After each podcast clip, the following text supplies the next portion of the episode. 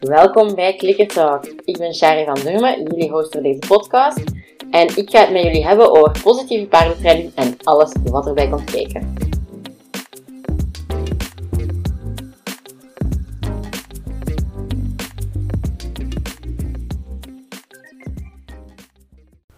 Negatieve bekrachtiging en positieve bekrachtiging combineren is dan nu de best of both worlds.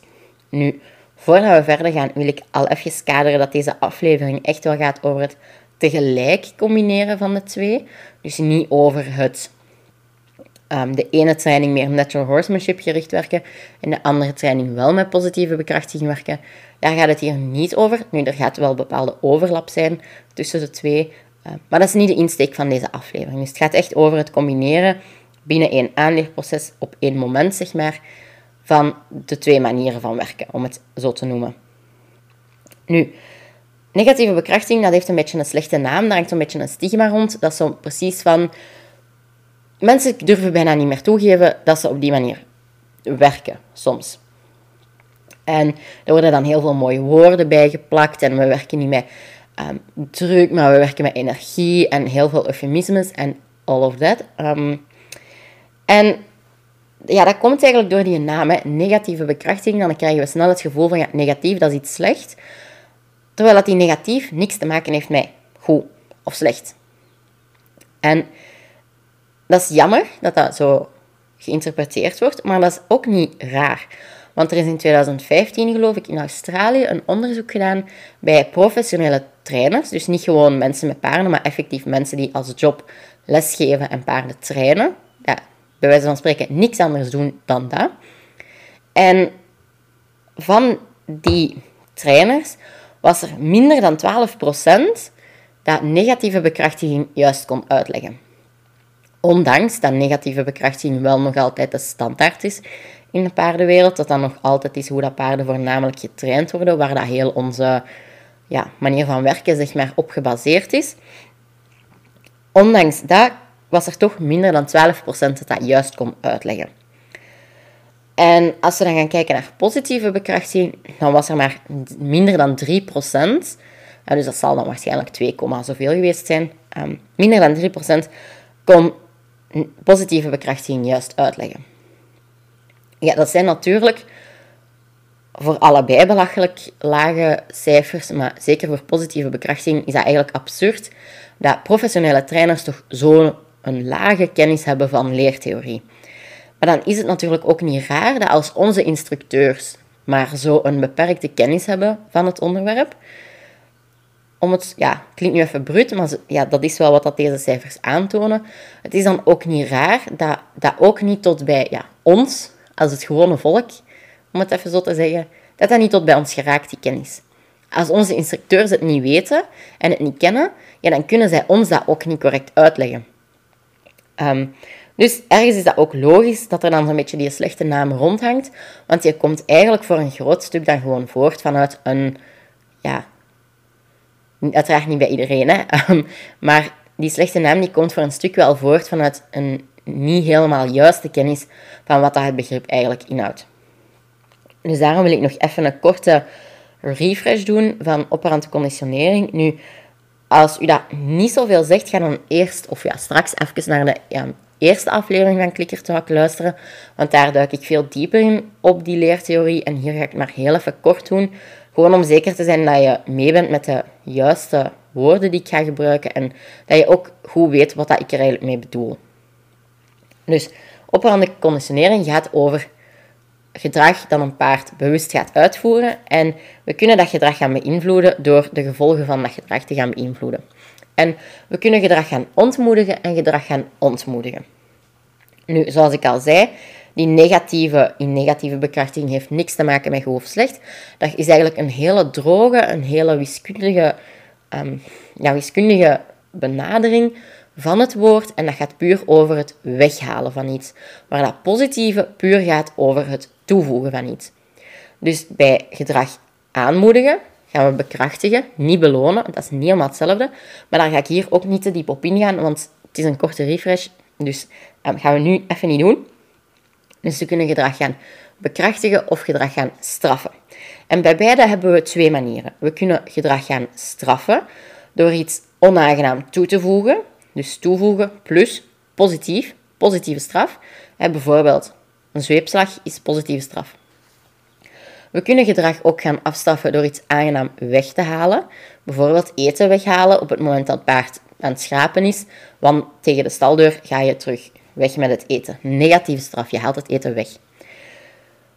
Voor gedrag aan te moedigen, gedrag te gaan bekrachtigen, kan je dus ook op die twee manieren doen. En je kan dus positieve bekrachtiging gaan doen, iets aangenaam toevoegen. Bijvoorbeeld eten um, of krabbels, zeker bij paarden met eczeem of die net luis hebben gehad en veulens. Veulens hebben ook heel graag krabbels als beloning. Um, is dat, kan dat ook zeker werken. Dus dat is positieve bekrachtiging. We gaan iets aangenaam toevoegen. Dan hebben we ook nog negatieve bekrachtiging, waar we eigenlijk iets onaangenaam gaan weghalen. En dat is wat we meestal doen. En we zijn aan het rijden, we geven druk van ons been. Paard wil dat hij wegvalt, paard gaat vooruit, druk valt weg, ah, paard leert, oké, als ze been geven, moet ik vooruit gaan, want dan stoppen ze met been geven. Dat is eigenlijk in het kort en beknopt operante conditionering. En maar ik zeg het, was dat nog niet uitgebreid genoeg, ga dan eerst even naar aflevering 1 luisteren. Daar pak ik dat allemaal veel uitgebreider mee. Op mijn YouTube-kanaal heb ik ook daar een video over, waarin ik dat allemaal een beetje visueler uitleg. Want ja, gewoon via luisteren is dat ook niet altijd even duidelijk. Um, maar alleszins, korte refresh van operante conditionering. Nu, onderzoek heeft aangetoond dat positieve bekrachtiging dat dat zorgt voor een duurzamer leerresultaat. Dus dat wil zeggen dat wat dat er geleerd wordt, dat dat langer blijft hangen. En dat er ook sneller geleerd wordt, ehm, wat dat uiteraard ook een heel groot voordeel is. Waar dat onderzoek, dus dat zijn geen, ik zeg het als onderzoek, dat zijn geen dingen dat ik hier even verzin. Dat is effectief zo aangetoond. Ehm, en waar dat negatieve bekrachtiging wordt er meer stress in, worden er meer stresssignalen getoond door de dieren. Ehm, en gaan ze vaak ook de minimum needed effort doen. Dus ze gaan eigenlijk altijd de minst nodige moeite doen dat, dat ze moeten doen voordat de druk wegvalt. Dus als je paard ligt achteruit gaan voor druk, dan gaan ze achteruit gaan tot op het punt dat die druk wegvalt. Maar ze gaan niet above en beyond gaan om dan bijvoorbeeld ineens 10 stappen achteruit te doen. Ze gaan eigenlijk maar net doen, zo net voldoende doen om van die druk af te geraken. Ehm, en ja, daarmee samen hangt dan ook een beetje dat ze wat passiever worden bij negatieve bekrachtiging. Um, die dieren die gaan minder zelf initiatief nemen, die gaan minder op onderzoek uit, die gaan eerder zo'n beetje een afwachtende houding nemen van wat wordt er hier eigenlijk van mij verwacht. Eerder dan bij positieve bekrachtiging, en waar dat de dieren veel meer zelf ook wat gaan experimenteren en ja, echt gewoon dingen uittesten. Dus je zou dan kunnen zeggen, oké, er zitten wat nadelen verbonden aan die negatieve bekrachtiging, maar als ik dat dan ga combineren met de voordelen van positieve bekrachtiging, ja, kan ik die nadelen dan niet gewoon tegengaan door ze te combineren. En ja, er wordt soms wel gezegd dat die combinatie efficiënter is en sneller zou zijn. Dus dat je sneller het gewenste resultaat gaat krijgen. En dat komt ook in bepaalde bronnen komt dat naar voren, zoals het boek dat ik een tijdje terug besproken heb, de natuur van het paard, schrijft de auteur dat ook, dat die combinatie efficiënter zou zijn en dat paarden sneller gaan leren. En ik heb daar wat over opgezocht en ah, ik heb daar eigenlijk redelijk wat over opgezocht. Ehm, en ik vond eigenlijk heel veel artikels daarover, heel veel mensen dat dat zeggen. En mijn artikel, ja, iedereen kan dat schrijven. Ik kan dat schrijven, jij kunt dat schrijven, iedereen kan dat schrijven. En ik heb maar één onderzoek gevonden dat dat ging aantonen. En dat was een onderzoek bij mensen. Bij een jongen met het syndroom van Down van 14. En de insteek van heel dat onderzoek was eigenlijk hoe dat we non-compliant, dus eigenlijk ja, ongehoorzaam, onvolgzaam, hè, om het even zo ruwweg te vertalen, gedrag het beste kunnen gaan ombuigen naar volgzaam gedrag. Dus er werd eigenlijk al vertrokken vanuit een gedrag dat onze lerende niet wou uitvoeren. Dus het ging over iets in de vuilbak gooien, geloof ik. En dat wou die dus al niet doen. Dat was eigenlijk hun startfase, hun beginfase. En dat was ook waar dat het onderzoek over ging. Hoe dat we dat ja, non-compliant gedrag kunnen gaan ombuigen naar compliant gedrag, wat dat daar de beste manier voor is. Is de beste manier positieve bekrachtiging, negatieve bekrachtiging of een combinatie van de twee? En hun conclusie was dat de combinatie van de twee eigenlijk het beste werkte. Maar, en dat zeg ik nu niet omdat dat ja, niet in mijn kraam past. Ondertussen is de hond hier beginnend aan het blaffen. Um, maar dat, dat zeg ik nu niet gewoon omdat dat niet in mijn kraam past. Dat is effectief zo. Zo'n conclusies maken op basis van één ja, testsubject. Klinkt heel bruut natuurlijk, maar op basis van één iemand is eigenlijk in wetenschappelijk onderzoek al niet helemaal correct. En daarnaast is het ook belangrijk om in ons achterhoofd te houden dat het wel al ging over gedrag dat hij eigenlijk al niet wou doen in de eerste plaats. Dus daar zat al een hele leergeschiedenis achter dat gedrag en hij wou dat al niet doen om te beginnen. En dat is wel iets wat we mee moeten nemen als we dat onderzoek willen gaan gebruiken als bron om dingen te staven. Nu,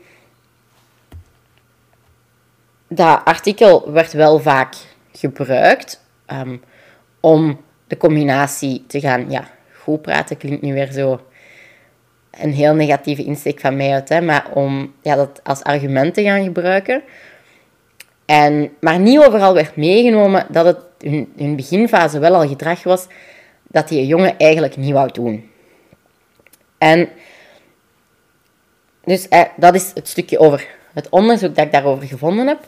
Nu, ik kan mij wel heel goed voorstellen dat dat wel zo voelt alsof dat die combinatie efficiënter is.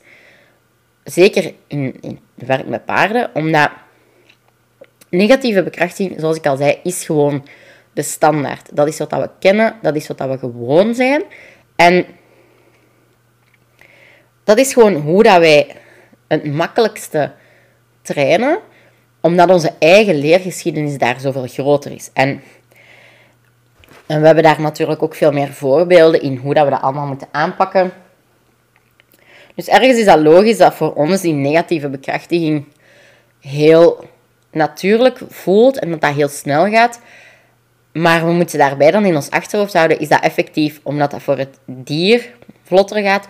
Of is dat gewoon omdat onze eigen skills, zeg maar, meestal groter zijn, of toch zeker in het begin dat we beginnen met positieve bekrachtiging, en onze eigen skills wat beter zijn in die negatieve bekrachtigingsmanier van werken dan bij positieve bekrachtiging.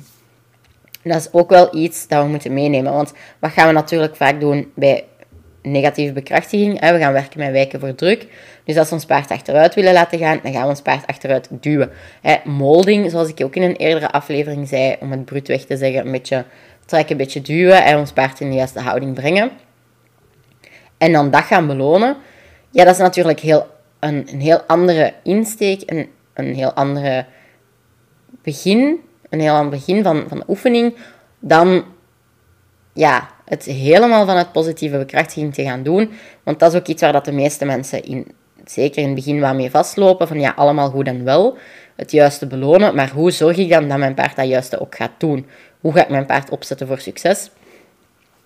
Waar dat we bij negatieve bekrachtiging heel vaak vanuit die molding gaan werken en meer ja, ons paard gaan ondersteunen in de fysieke manier, um, door, hem, door druk te zetten om hem in die juiste houding te brengen. Nu, ik hoop dat dat een beetje een duidelijke uitleg was, ehm, zonder dat ik daar te judgmental in overkom, want dat is niet mijn bedoeling. Um, maar ja, als we puur objectief gaan kijken, is dat meestal wel wat er gebeurt. Nu, alles wat ik hiermee met dit stukje wil zeggen, is... Ik zeg niet dat het niet zo is dat de combinatie efficiënter is of sneller gaat.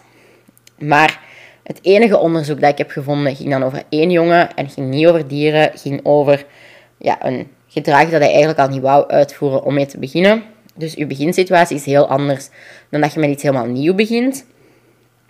En het ging ook altijd over die efficiëntie, over hoe vaak dat de taak werd uitgevoerd, hoe vaak dat de, ehm, hoe snel dat de taak werd uitgevoerd eventueel. Maar het ging altijd heel hard over puur de prestatie. En er is een bekende quote van uh, Susan Friedman: Effectiveness alone isn't enough. Dus het gaat over veel meer dan hoe effectief uw manier van trainen is. we moeten ook heel dat emotionele en heel die beleving gaan meepakken. Maar dat vind ik toch. Ik vind dat heel belangrijk om dat mee te pakken. Het gaat niet gewoon over, doet mijn paard wat ik wil dat hij doet. Maar het gaat er ook over, hoe voelt hij zich terwijl dat hij doet wat dat ik wil dat hij doet. Is die dat maar allemaal aan het ondergaan? Of vindt hij het ook oprecht fijn? Is hij effectief aan het meewerken? En dat is voor mij een hele belangrijke. En dat is iets van, ja, we kunnen dan wel gaan zeggen van iets werkt, dus het is een goede manier van training. Maar dat is niet waar mijn lat ligt. Het moet niet gewoon werken. En vroeger werden kinderen op school ook met zo'n, hoe heet dat? Zo'n regel op hun vingers geslagen als ze het foute antwoord geven. Dat doen we nu ook niet meer. Werkte dat? Ja, 100%. Als je kind u tegenspreekt en je gaat altijd uw riem bovenhalen en daar een keer goed op kloppen, ja, dan zal die wel stoppen met tegenspreken. Maar dat doen we ook niet meer. Omdat het feit dat het werkt op zich is niet meer genoeg als maatstaf. We willen meer. En hetzelfde geldt voor mij dan ook binnen de training van dieren. Nu, niet alle negatieve bekrachtiging is uiteraard hetzelfde als met die regel op de vingers kloppen van kinderen. Hè. Ehm, dat is zeker niet wat, wat ik uh, nu de wereld wil insturen. Maar gewoon even, mijn voorbeelden, mijn voorbeelden zijn vaak overdreven, omdat dat gewoon een punt makkelijk overbrengt. En hetzelfde geldt ook met zo van die prong colors. Er is ooit is een springruiter geweest die een spoor had dat elektrische shocks gaf, of een zweep dat elektrische... Ik weet het niet meer. Alleszins iets met elektrische schokken. Een spoor of een zweep. Ja, dat vinden we ook allemaal niet oké. En dat zal wel werken om je paard over de sprong te krijgen, of om hem sneller te laten lopen, zal dat inderdaad wel werken. Maar dat het werkt, maakt het niet oké. Dus effectiveness alone isn't enough. Nu, wat zie ik in de praktijk als mensen de twee gaan combineren, negatieve bekrachtiging en positieve bekrachtiging, is eigenlijk gewoon ook vaak dat het niet... Er wordt soms gedaan van dat het zo een 50-50 verdeling is, maar dat is heel vaak niet het geval. Wat dat je heel vaak ziet, is eigenlijk dat het voornamelijk negatieve bekrachtiging is, met dan een koekje dat erbij komt als extraatje. En een koekje on top, zoals het dan genoemd wordt. Maar dus niet echt evenveel een leerproces gebaseerd op positieve bekrachtiging als dat het op negatieve bekrachtiging gebaseerd is.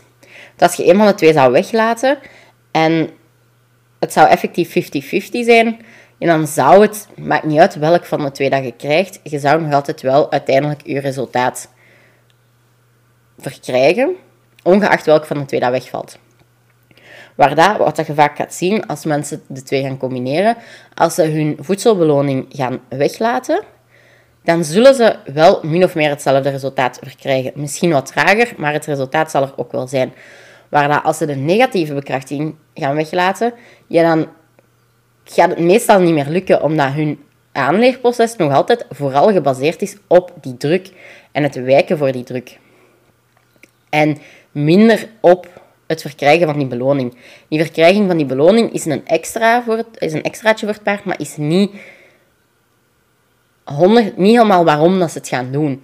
Het vertrekt wel nog altijd vanuit die negatieve bekrachtiging en vanuit die druk dat gezet wordt, dat ze gaan willen vermijden. Maar dat is dus wat ik in de praktijk vaak zie bij mensen. Als we teruggaan naar het onderzoek. Wat ik wel gevonden heb, was onderzoek van Nicole Murray. Um, dat was voor haar studies. Um, ik weet niet juist, was het thesis, masterproof. Is daar een verschil tussen? Dat weet ik zelfs niet. Ik heb zelf geen unief gedaan. Oeps, busted. Um, alleszins, zij heeft daar onderzoek naar gedaan. En dat onderzoek dat ging over poisoned cues. En dat is eerst aan bod gekomen bij Karen Pryor. Zij heeft daar dan uh, Nicole Murray heeft daar dan daarna onderzoek naar gedaan. Nu, wat is een poison cue? In een van de eerste afleveringen heb ik dat ook benoemd. Maar mijn uitleg was niet 100% correct. Nu, het is sowieso moeilijk om daar een hele um, strikte definitie van te vinden. Maar mijn, ik had toen gezegd dat dat ging. Ik had het voorbeeld van Pepita gegeven en het achteruitgaan, dat ze dat wel doet, maar zodra dat ze weg kan, dat ze weggaat. Dat is niet helemaal een poison cue, want ja, dat is gewoon een aversive ja, command eerder dan een cue. Um, heel die vraag is gewoon aversive op zich, waar dat het bij een poison cue, en de meeste mensen in betekenis ervan, uh, waar dat je het op de meeste plaatsen vindt, gaat het vooral over cues met een dubbele betekenis, met een dubbele associatie. Dus er is zowel de associatie met de reinforcement als met de aversive. En dat zorgt voor onzekerheid. Hè? Want dus je vraag dat je gaat stellen, bijvoorbeeld met Pepita was dat achteruit gaan met zo'n handgebaar. Dat is mijn vraag, mijn cue, mijn commando. afhankelijk van hoe dat je daarmee omgaat. En dat was zowel een voorspeller, dat zou dan zowel een voorspeller van druk kunnen zijn, als een voorspeller van de klik. En ja, dat zorgt gewoon voor een beetje interne struggle, want ze weten zo niet zo goed wat moet ik nu verwachten? Gaat er nu een klik komen? Gaat er druk komen? Uh, what's going on? Dus dat zorgt voor heel veel onzekerheden. Nu, in het onderzoek van uh, Nicole Murray heeft zij een hond naar zich toe laten komen. Twee keer in eigenlijk dezelfde setting. Dus ze had de, op de grond had ze allemaal vakken afgetaped. En de hond moest tot bij haar in het vak komen. En ze heeft twee verschillende cues gebruikt. Dus de Van cue was voor de positieve bekrachtiging en de puniercue was voor negatieve bekrachtiging. En, en wat ze ging doen was bij de Van-situatie, ging ze gewoon klikken als de hond naar haar toe kwam. En het eindgedrag was dan dus dat hem effectief in, de, in, haar, vak kwam. En bij de puniercue, waar, dat dat ze de beide ging combineren, ging ze ook klikken als ze naar haar toe kwam, maar ging ze ook aan de leiband ging ze druk zetten op het moment dat hij niet naar haar toe kwam. Dus, je zou dan ook wel kunnen zeggen van ja, is dat wel effectief een negatieve bekrachtiging? Is dat niet eerder een positieve straf? Want je komt niet naar haar toe, dus je gaat druk zetten op aan die leiband. En zeker als je de filmpjes bekijkt, het is wel een vrij ehm, felle druk dat ze soms zet. Maar als we gaan kijken, de twee zijn niet altijd zo vlot uit elkaar te trekken. En dat is ook vaak wel hoe dat negatieve bekrachtiging gebruikt wordt bij paarden. ook in de combinatiesetting, we vragen nu naar achter, ze reageren niet, we gaan druk zetten. En dat is ook niet altijd even zachte druk. En dat wordt ook heel vaak opgebouwd, ook als we de combinatie maken van R- en R+. Nu, zoals ik al zei bij die hond, de setups waren hetzelfde. Zelfde hond, zelfde beloning, zelfde vrouw. Ehm, alles hetzelfde. Enkel dus de cue was anders. Om dus echt heel goed te kunnen gaan kijken, wat is het verschil in reactie op de cues. En wat zagen ze bij de um, combinatie cue, de ponier, werden er meer stresssignalen getoond en was er ook die minimal effort, net genoeg om van de druk af te komen. En dat bleef zo, ook als die aversive wegviel, dus die druk aan de leiband, ook als die wegviel, dan bleef de houding van die hond hetzelfde. Waar dat hij dus bij de andere cue, de van cue, dat allemaal niet deed.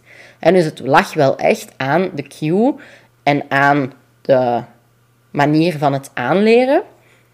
Maar wat zagen ze ook? Niet alleen de ponier was poisoned, ook heel de leiband werd poisoned. Want dat was ook een voorspeller van die die manier van werken. Dus je moet ook aandacht hebben ervoor als je met zo dingen gaat werken, dat niet alleen je cue op zich, maar ook andere dingen in de omgeving dat eraan gelinkt kunnen worden, dat die ook mee poisoned kunnen zijn voor het paard.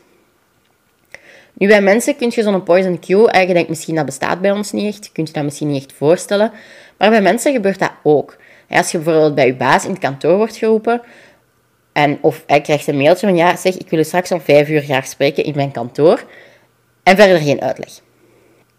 Ja, dan heb je soms ook altijd van, oh, wat nu? Je begint al in je hoofd je af te vragen wat dat je allemaal hebt misgedaan de afgelopen weken, waarvoor dat je onder je voeten zou kunnen krijgen. En je voelt al die onzekerheid. Niks in die mail zegt dat er iets mis is. Voor hetzelfde geld krijg je opslag. Maar je weet het niet. En die onzekerheid, dat is eigenlijk wat dat je een negatief gevoel geeft. Gewoon het feit dat je het niet weet. En dat is eigenlijk een beetje hetzelfde bij die poisoned cue. Nu, hoe kun je dat dan gaan herkennen bij je paard? Die stresssignalen, um, lange, hè, dat is een hele typische, dat er meer stresssignalen getoond worden al zodra dat je cue geeft, vlak voordat ze reageren. Hè, dat ze bijvoorbeeld een keer een oor gaan wegdraaien of weet ik veel wat, hun hoofd een klein beetje opheffen. Dat kunnen hele kleine dingen zijn, maar dat zijn wel stresssignalen en die geven wel heel veel informatie, ondanks dat ze zo klein zijn. Wat is nog iets waaraan je dat kan herkennen? Een lange reactietijd, als het altijd heel lang duurt voordat ze reageren. Dat is ook in, kan ook een teken zijn van een poison cue. Dat ze de cue gaan proberen vermijden. Dat zijn zo verschillende dingen waaraan dat je dat kan herkennen. Nu, stel je zegt, oké, I messed up, ik heb een poison cue. Wat nu? Hoe moet ik dat nu gaan oplossen? Daar ga ik vandaag niet te diep op ingaan. Dat is iets wat ik volgende week ga bespreken. Dan ga ik het hebben over van een negatieve bekrachtigingscue naar een positieve bekrachtigingscue. Moet je dat wel doen? Waarom zou je dat doen? Als je dat wilt doen, hoe ga je dat doen? En die poison cues gaan ook aan bod komen. Dus ook als je met poison cues zit, gaat dan een aflevering zijn waar je iets aan gaat hebben. Want daar ga je ook wel dingen uit kunnen meepakken. Maar als ik dat nu ook nog ga bespreken, dan gaan we daar veel te ver in gaan. Dan gaat de aflevering veel te lang duren. Nu, stel, er zijn situaties waar je nog niet uitgeraakt met positieve bekrachtiging alleen. En dan moet je ook een beetje de afweging gaan maken van ja, ga ik nu met een combinatie werken of niet? En ja, die afweging die hangt voor mij ook heel hard af van ja, wat is de situatie en wat is de belang van de situatie voor uw paard. En zoals bij Jolien Dalenberg heb ik ooit eens gehoord, ik weet nu niet meer of dat in haar podcast was met iemand anders of met, die, met Monique erbij of op haar Instagram. Ik weet het niet meer. Um, zij zei, het ging over een paard dat op weg naar de wei moest die langs straat. Hè, tussen stal en de weide moesten die over straat gaan en die flipte op straat. Die ging helemaal. Het was echt gevaarlijk gedrag gewoon. En ja, dan deden ze dat op een, een vrij harde manier. En met de harde aanpak brachten ze die dan naar de wei. Is dat ideaal? Nee. Maar het was dat of niet buiten komen op dat moment, in die situatie. Ja, de paard binnenhouden is ook de oplossing niet en gaat het gedrag misschien nog erger maken. Dus dan is de harde aanpak misschien wel de meer paardvriendelijke manier van werken. Maar dat is altijd dan maar voor mij toch de voorlopige aanpak. Want uiteindelijk, die harde aanpak ging ook het probleem niet oplossen. Die ging misschien zorgen dat het paard zich meer ging schikken naar wat dat je vroeg. Maar het is geen oplossing voor de reden van dat gedrag. Dus op dat moment is dat wel de paardvriendelijke optie, want het is daar of op stal gaan staan. Maar het is wel belangrijk om dat te zien als iets voorlopig. En ook te gaan kijken naar, oké, hoe kan ik dat nu anders aanpakken, dat dat niet meer nodig is. Bijvoorbeeld, het klinkt misschien heel bruut, maar een andere stal. Kan, als het echt heel erg is, kan misschien wel een goede oplossing zijn, waar dat paard altijd buiten komt en dat je niet altijd over de weg moet, zodat je dat op, op je gemak kunt oplossen, zonder dat je paard eigenlijk constant in een situatie komt waar dat hij het eigenlijk niet aan kan. En dat hij compleet over zijn grens is op straat en dat hij daar toch dag na dag door moet. Dan is het misschien beter om een andere plek te zoeken. Maar dat is nu wel al een heel verregaand voorbeeld. Hè? Um, een heel extreem voorbeeld. Nu, bij mij is dat iets waarbij dat ik ook wel nog een beetje negatieve bekrachtiging gebruik, is de paarden terug op de wei zetten. Gewoon omdat dat... Ik heb maar twee handen. Ik heb met één hand het paard vast, met de andere hand doe ik de poort open. Ik heb er dan twee staan die naar buiten willen. Ja, dan is het voor mij gewoon gemakkelijker om met een klein beetje ja, lichte druk naar die achterhand het paard vooruit te vragen, zodat ze binnen de poort zijn, dat ik de poort kan toedoen en dat ze kan losmaken. Maar daar is geen stress bij verbonden, ze krijgen daar geen stresssignalen van. En dat is iets, ik zou dat waarschijnlijk ook nog anders kunnen oplossen. Maar op dit moment heb ik daar andere prioriteiten in. Dit werkt.